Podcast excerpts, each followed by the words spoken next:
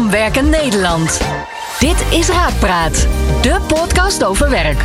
Andreas Bouwman van Raakpersoneel stelt een werkexpert rake vragen over solliciteren, salaris, carrière, promotie, collega's, werkplezier en andere werkgerelateerde zaken.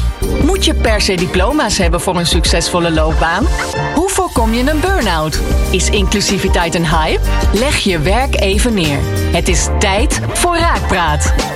Vandaag spreek ik met Jessica de Graaf. Jessica is sinds twee jaar mijn collega. Haar rol servicecoördinator van ons mooie Raak Klantcontactcentrum. Daar gaan we het straks over hebben. Het onderwerp wordt tegenslag. Jessica raakte als ondernemer, voor ze bij Raak kwam, letterlijk alles kwijt en krabbelde weer op.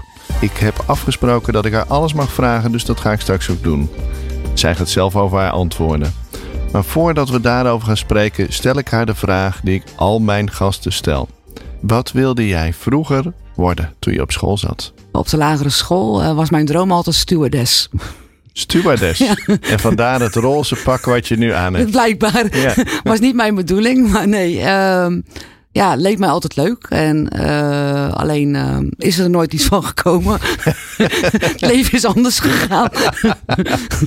Wel vluchtig, maar niet in als uh, stewardess, zeg maar. Nee, precies. Maar ja. als we heel even bij dat moment blijven op die, op die lagere school, basisschool, middelbare school. Wat leek je er leuk aan, aan het stewardess zijn? Het pakje, het reizen? Nou ja, het feit dat je dan mensen kan helpen. En het feit dat ik ja, wat van de wereld kon zien. Dat ja. leek mij toen in die tijd heel erg leuk. Het avontuur. Ja. Ja. Nou ja, dan groei je natuurlijk op. Waar ben jij opgegroeid, Jessica? Ik uh, ben opgegroeid uh, bij het hoofdkantoor in Alblasserdam. Ja. dus ik ben echt, uh, ik ben geen echte Alblasserdammer. Ik ben in Zwijndrecht geboren, maar ja. vanaf mijn vierde tot aan mijn achttiende, negentiende altijd in Alblasserdam gewoond. Ja, want voor de luisteraar die dat misschien niet weet, ons hoofdkantoor ja, staat in Alblasserdam. We zijn jaren vijf, zes jaar geleden ver, verhuisd naar een groot pand uh, op de Edisonweg. Langs de A15, mooi te zien. En in die omgeving ben jij dus opgegroeid.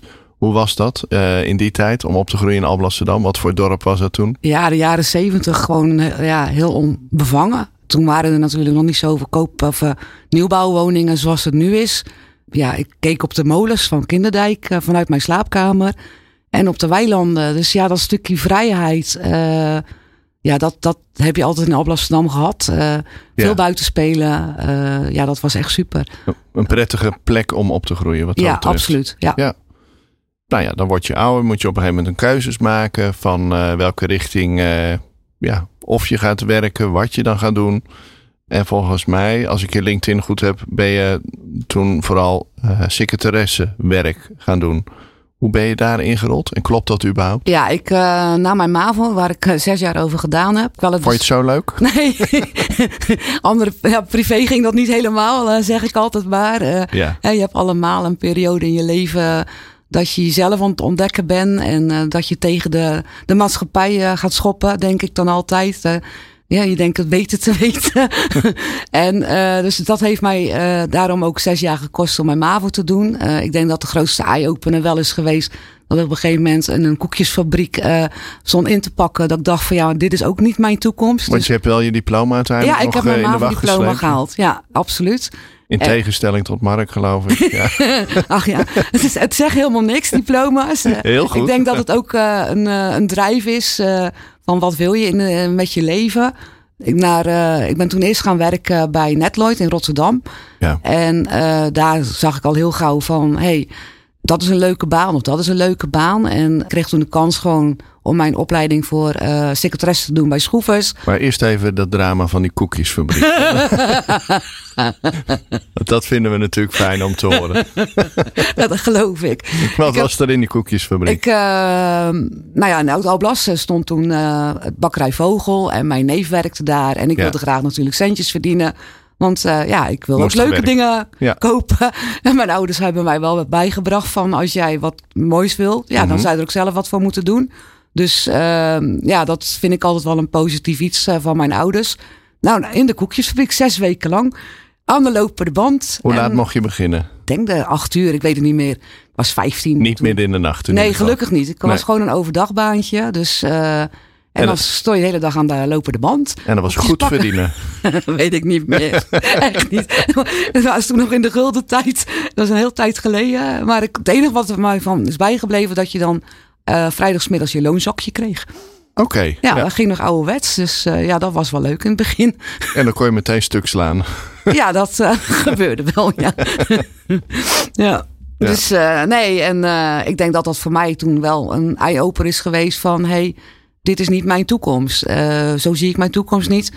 Nee. Dus ik moet wel even eraan trekken om mijn MAVO-diploma te gaan halen. Ja, precies. Nou, herkenbaar hoor. Ik heb ook wel veel bijbanen gehad in eh callcentra en in zakken slepen. En dat ik dacht van, oké, als ik dit heel lang moet gaan doen, dan, eh, dan word ik daar niet gelukkig Nee. van. Dus dat is op zich ook een goed, goed punt, hè? dat je dingen doet waarvan je weet, oké, dat wil ik niet. Nee, klopt. Ehm, en toen ben, ben je schroeven gaan doen, zei je? ja, in Rotterdam op de Witte de Witstraat. In de avonduren. Overdag werken dus? Ja, gewoon 40 uur werken en s'avonds naar school. Dus dat, eh, ja, dat is best Heavy, wel pittig. Alleen, eh, ik vond het heel leuk om te doen, omdat je dan eh, toch weer veel bijleert. en andere mensen leert kennen. Wat voor slag mensen waren dat toen, die, die Ja. secretaresses in opleiding? Ja, niet zoals ik als. Waren allemaal van die nette dames. en ik was nog gewoon een qua jongen. Zat er nog zat er één man bij of eh, helemaal niet? Nee, het was echt een damesklas toen nog. Dus eh, ik denk dat dat nu wel anders is. In de, maar eh, toen was het echt alleen nog maar dames die secretaresse werden. Ja, Ja. dus dat was wel een leuke tijd. Wel hard studeren. maar ehm, ja, ik, ik ben er alleen maar beter van geworden. Ja, ja ik weet dat in Utrecht wel waar die zat. Dat vond ik altijd wel interessant om, om te zien. Maar wat heb je daarvan van geleerd, van die periode? Nou, ik denk dat ik eh, wel het eh, idee had van... Hè, wij waren natuurlijk uit, komen uit een generatie van als vrouw zijnde... eh, dat we net eigenlijk, eh, ja, ga je carrière maken of word je huisvrouw. Die Ja. periode was dat natuurlijk Dat was nog. een beetje begin jaren tachtig we het over, ja, ja. En, eh, en ik had wel zoiets van, nee, dat is niet wat ik graag wil.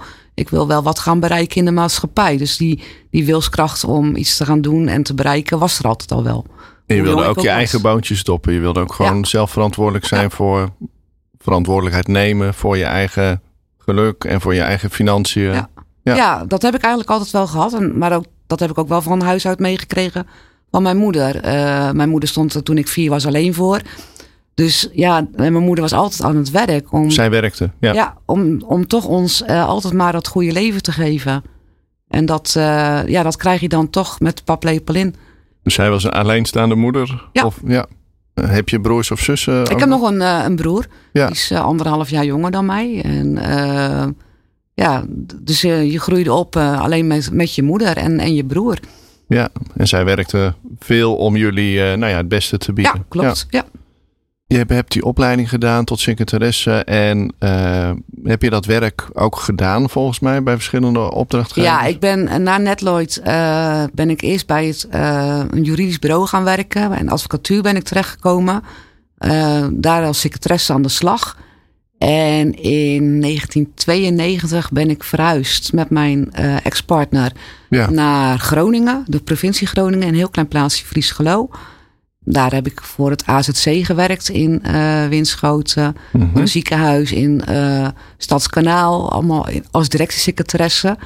De laatste tien jaar dat ik echt voor een baas heb gewerkt, of als, als voor een werkgever, was bij Axo Nobel, chemische Ja. plant in Delfzijl. En hoe was dat om die stap in 92 van het toch wel stadse Alblasserdam, tenminste ja, het is een dorp, maar in, een, in de buurt van Rotterdam natuurlijk, waar Ja. je ook je opleiding hebt gedaan naar het Hoge Noorden te verkassen. in het begin is dat heel erg wennen. Eh, moet je echt wel je plek weer eh, zoeken. Maar ja, wij woonden daar zo vrij dat, eh, dat je soms ook helemaal geen erg in had dat er nog mensen waren. Hoe heette dat dorp ook alweer? Want je zei het, maar het, ik ben het alweer vergeten. Friesgelo. Ja, in Groningen. in Groningen. Ja, Oké, om het ingewikkeld te maken. ja zoiets. Ik ga het googelen straks. Ja. Dus jij zat in het eh, in, in Friesgelo. ja. En in 1993 ben je getrouwd. Nou, je zei zelf al dat het inmiddels je ex is. Ja. Ehm, hoe was die tijd? Was het Was je, je huwelijk en je leven, ja, was dat in het begin, was dat, was dat worstelen of was het in het begin allemaal roze geur en maneschijn? Hoe waren die begin jaren 90 voor jou?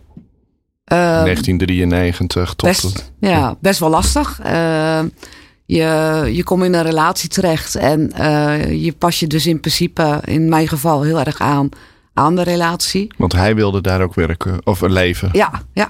En ehm, dus ja, je, je groeit daarmee op. Hè? Je bent 21 als je eh, elkaar leert kennen. Dus, en je gaat iets samen opbouwen. Dus je bent ook best jong getrouwd eigenlijk. Ja, ik was 24. Eh, Mhm. voor die tijd was dat eigenlijk eh, een normaal iets. Om op je Ja. 24ste te trouwen. Ja, je, je, het stukje vrijheid eigenlijk. Hè? Dus je, je, wat ik nu merk, heb ik mijn vrijheid. En dat was daar in die tijd, ja, was die weg. En wat deed het eh, met je? ik kon niet meer mezelf zijn. Ehm, dat vond ik eigenlijk het hele erge van, eh, van mijn relatie. Eh, ik raakte mezelf kwijt. Ja. En eh, buiten huis kon ik wel mezelf zijn. Kon gewoon de Jessica zijn zoals jullie mij kennen. Ja, Thuis niet. Dat, ja, dat heeft je wel gemaakt zoals je... Ja, op een gegeven moment kon je niet meer zijn. Zijn zoals je, ja. dat zeggen... De vrolijke Yes was weg. Zo Ja. kan ik het wel zeggen.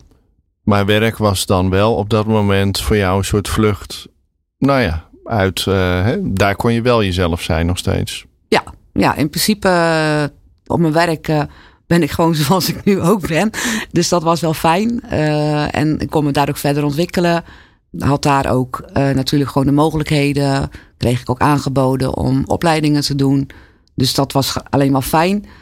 Ja, en thuis was het altijd zoeken naar de balans. Om toch maar de goede vrede te bewaren.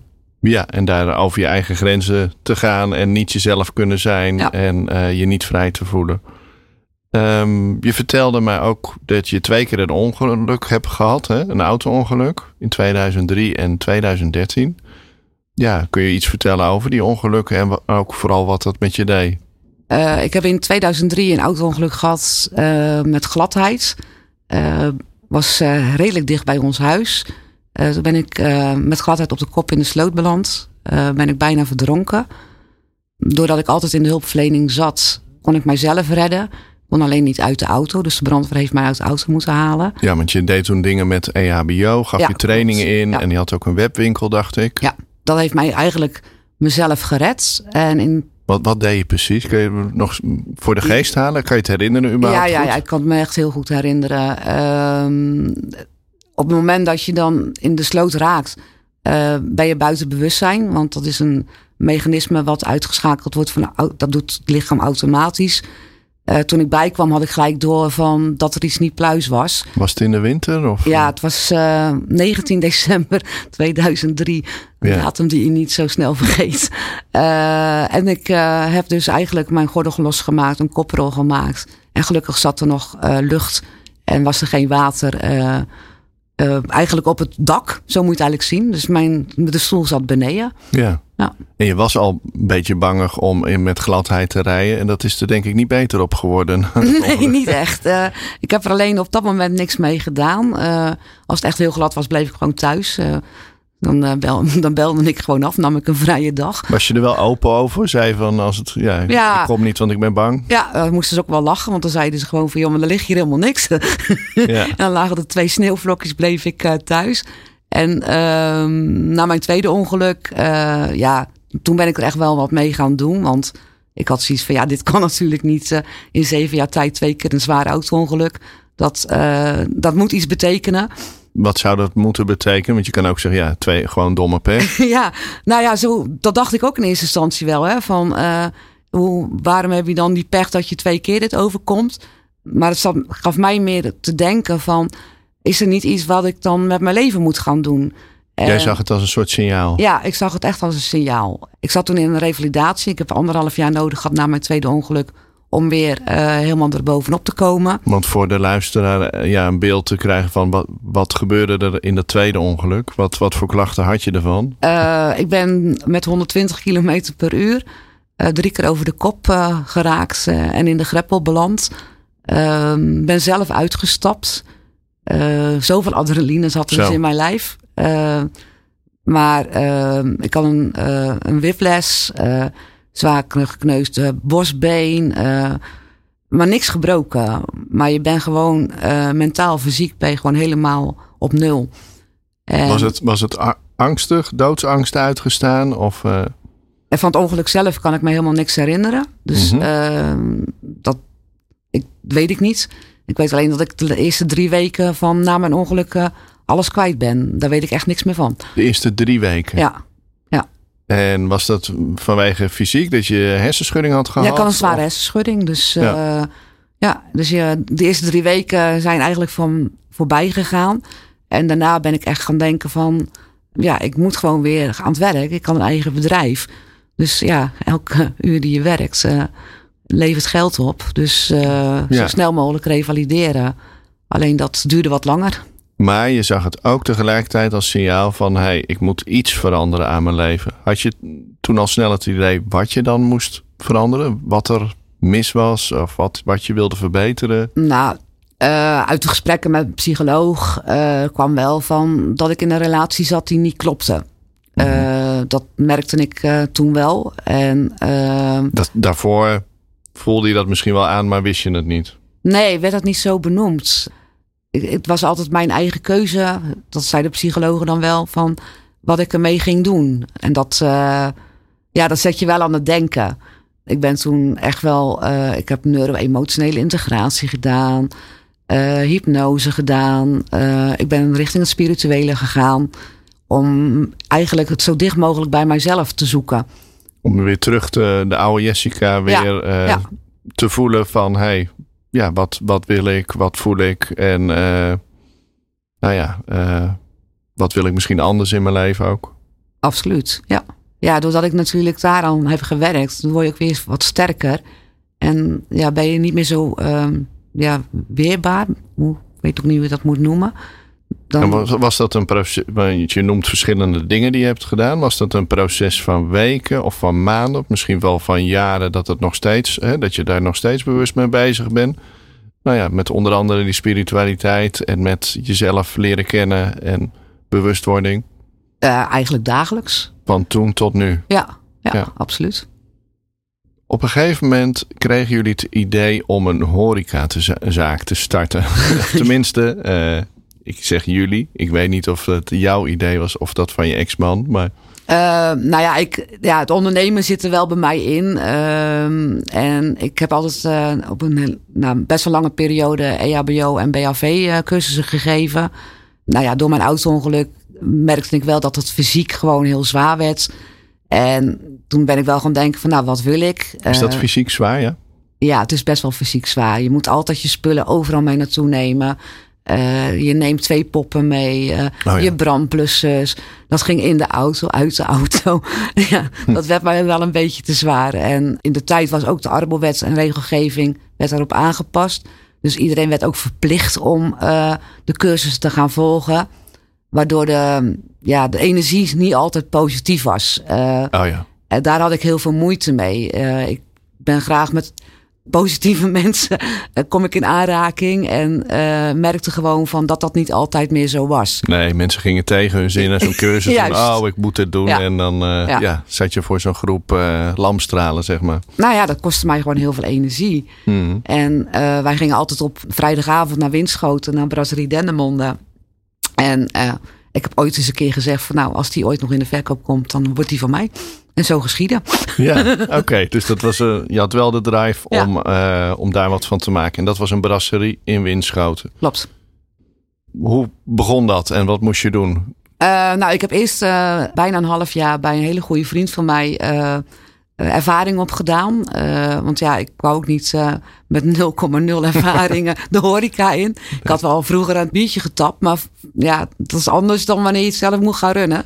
Ja. want er komt natuurlijk dan veel meer bij kijken dan alleen maar achter de bar staan. En, uh, ja, ik denk dat heel veel mensen die in de horeca als klant komen, ooit wel eens denken van, oh, dit is zo'n leuke tent, die zou ik wel willen runnen, want dan kan ik de hele dag hier lekker in de kroeg zitten eh, of in de brasserie. ja. ja, nee, dat, je moet natuurlijk de inkoop moet je regelen. Uh, hoe ga je dat dan weer verkopen? Welke percentages? Er komt best wel veel bij kijken. Jullie hadden allebei nul ervaring in die hele horeca. Klopt, ja. ja. En nou ja, ik ben dan altijd mijn een hele goede vriend dankbaar dat ik bij hem de kneepjes van het vak heb kunnen leren.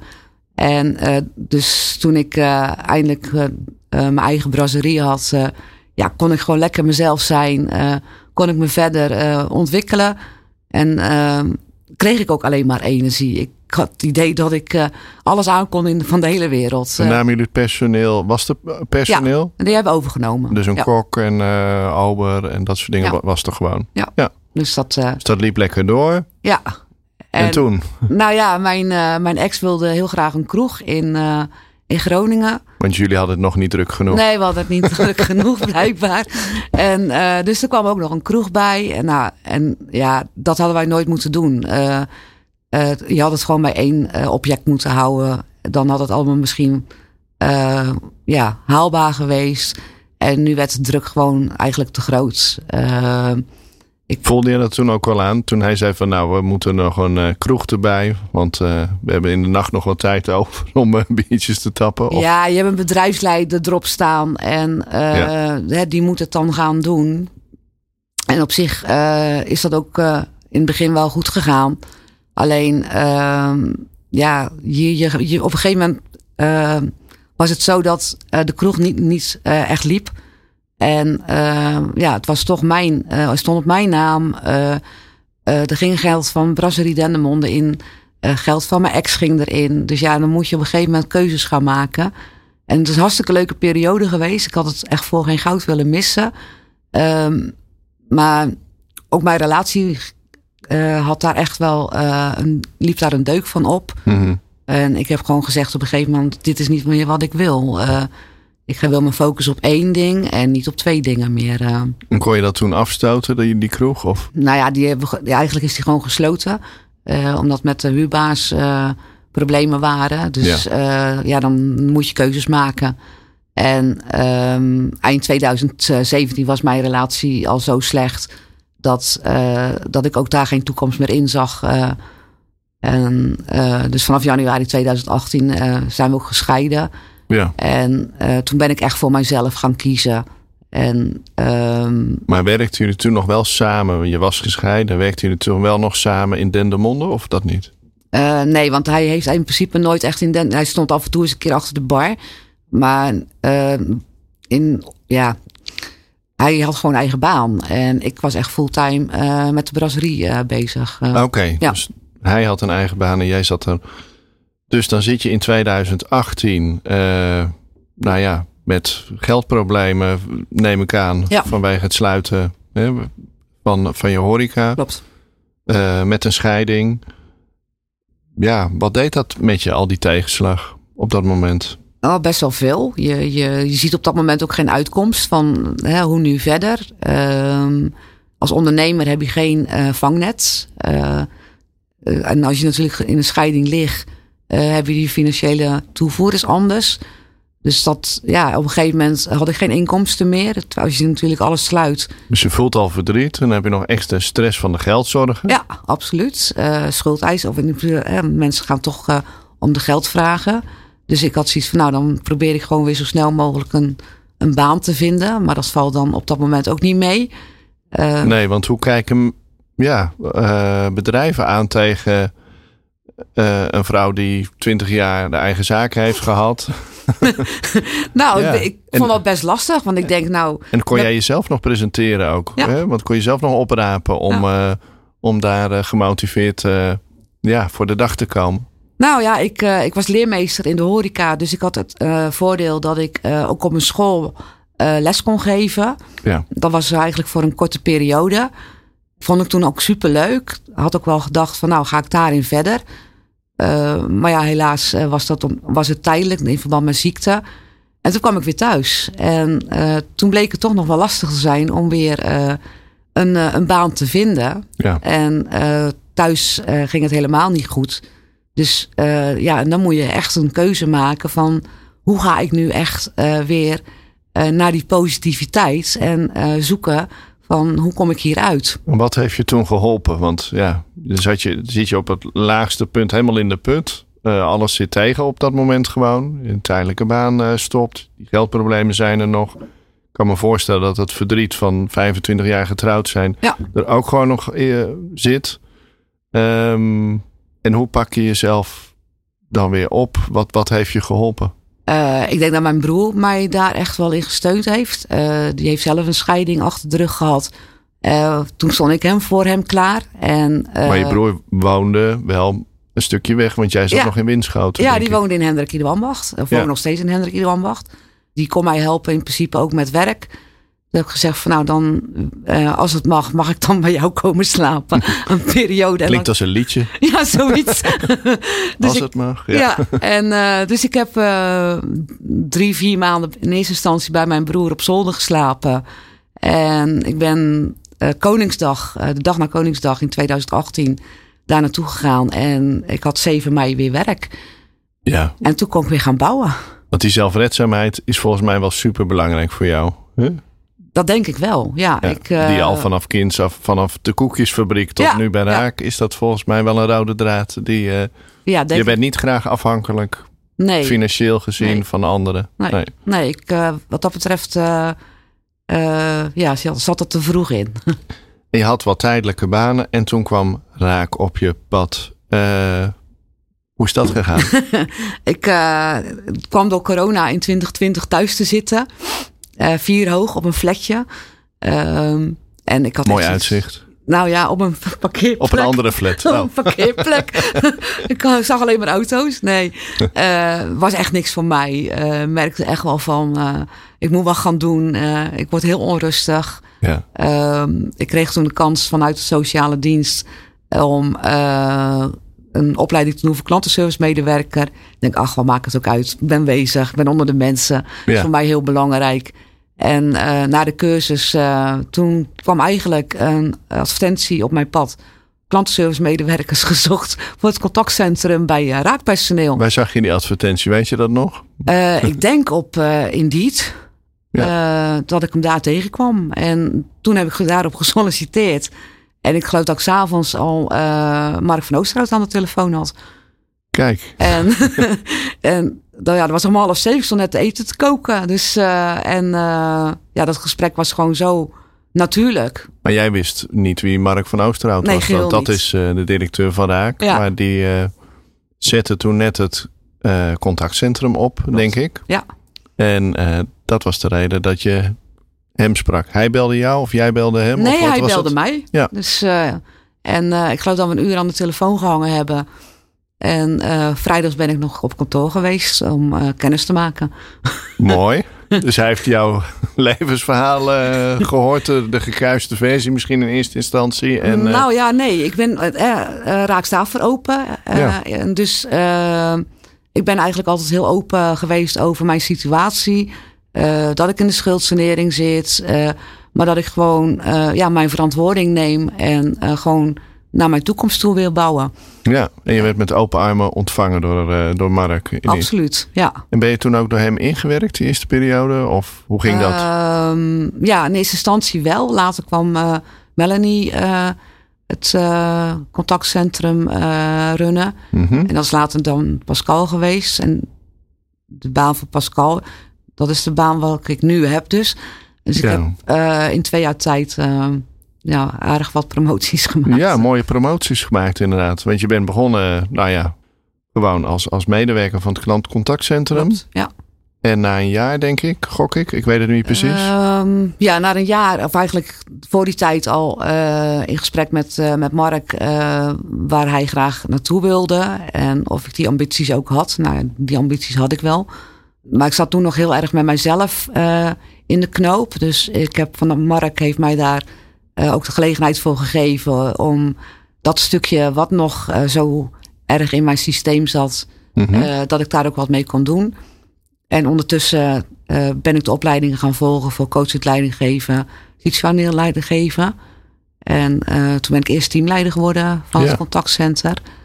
En ja, binnen een half jaar nog weer doorgegroeid naar servicecoördinator. Ja, want dat weten de meeste mensen niet. Er werken aardig wat mensen op het contactcentrum, denk ik. Ja, we zijn met eh, twaalf man.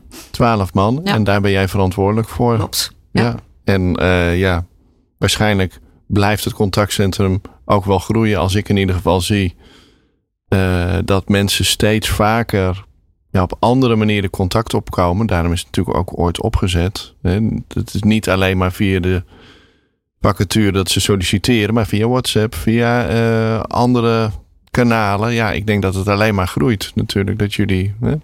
Nou ja, we hebben natuurlijk. Uh, we zijn meegegroeid natuurlijk met Raak.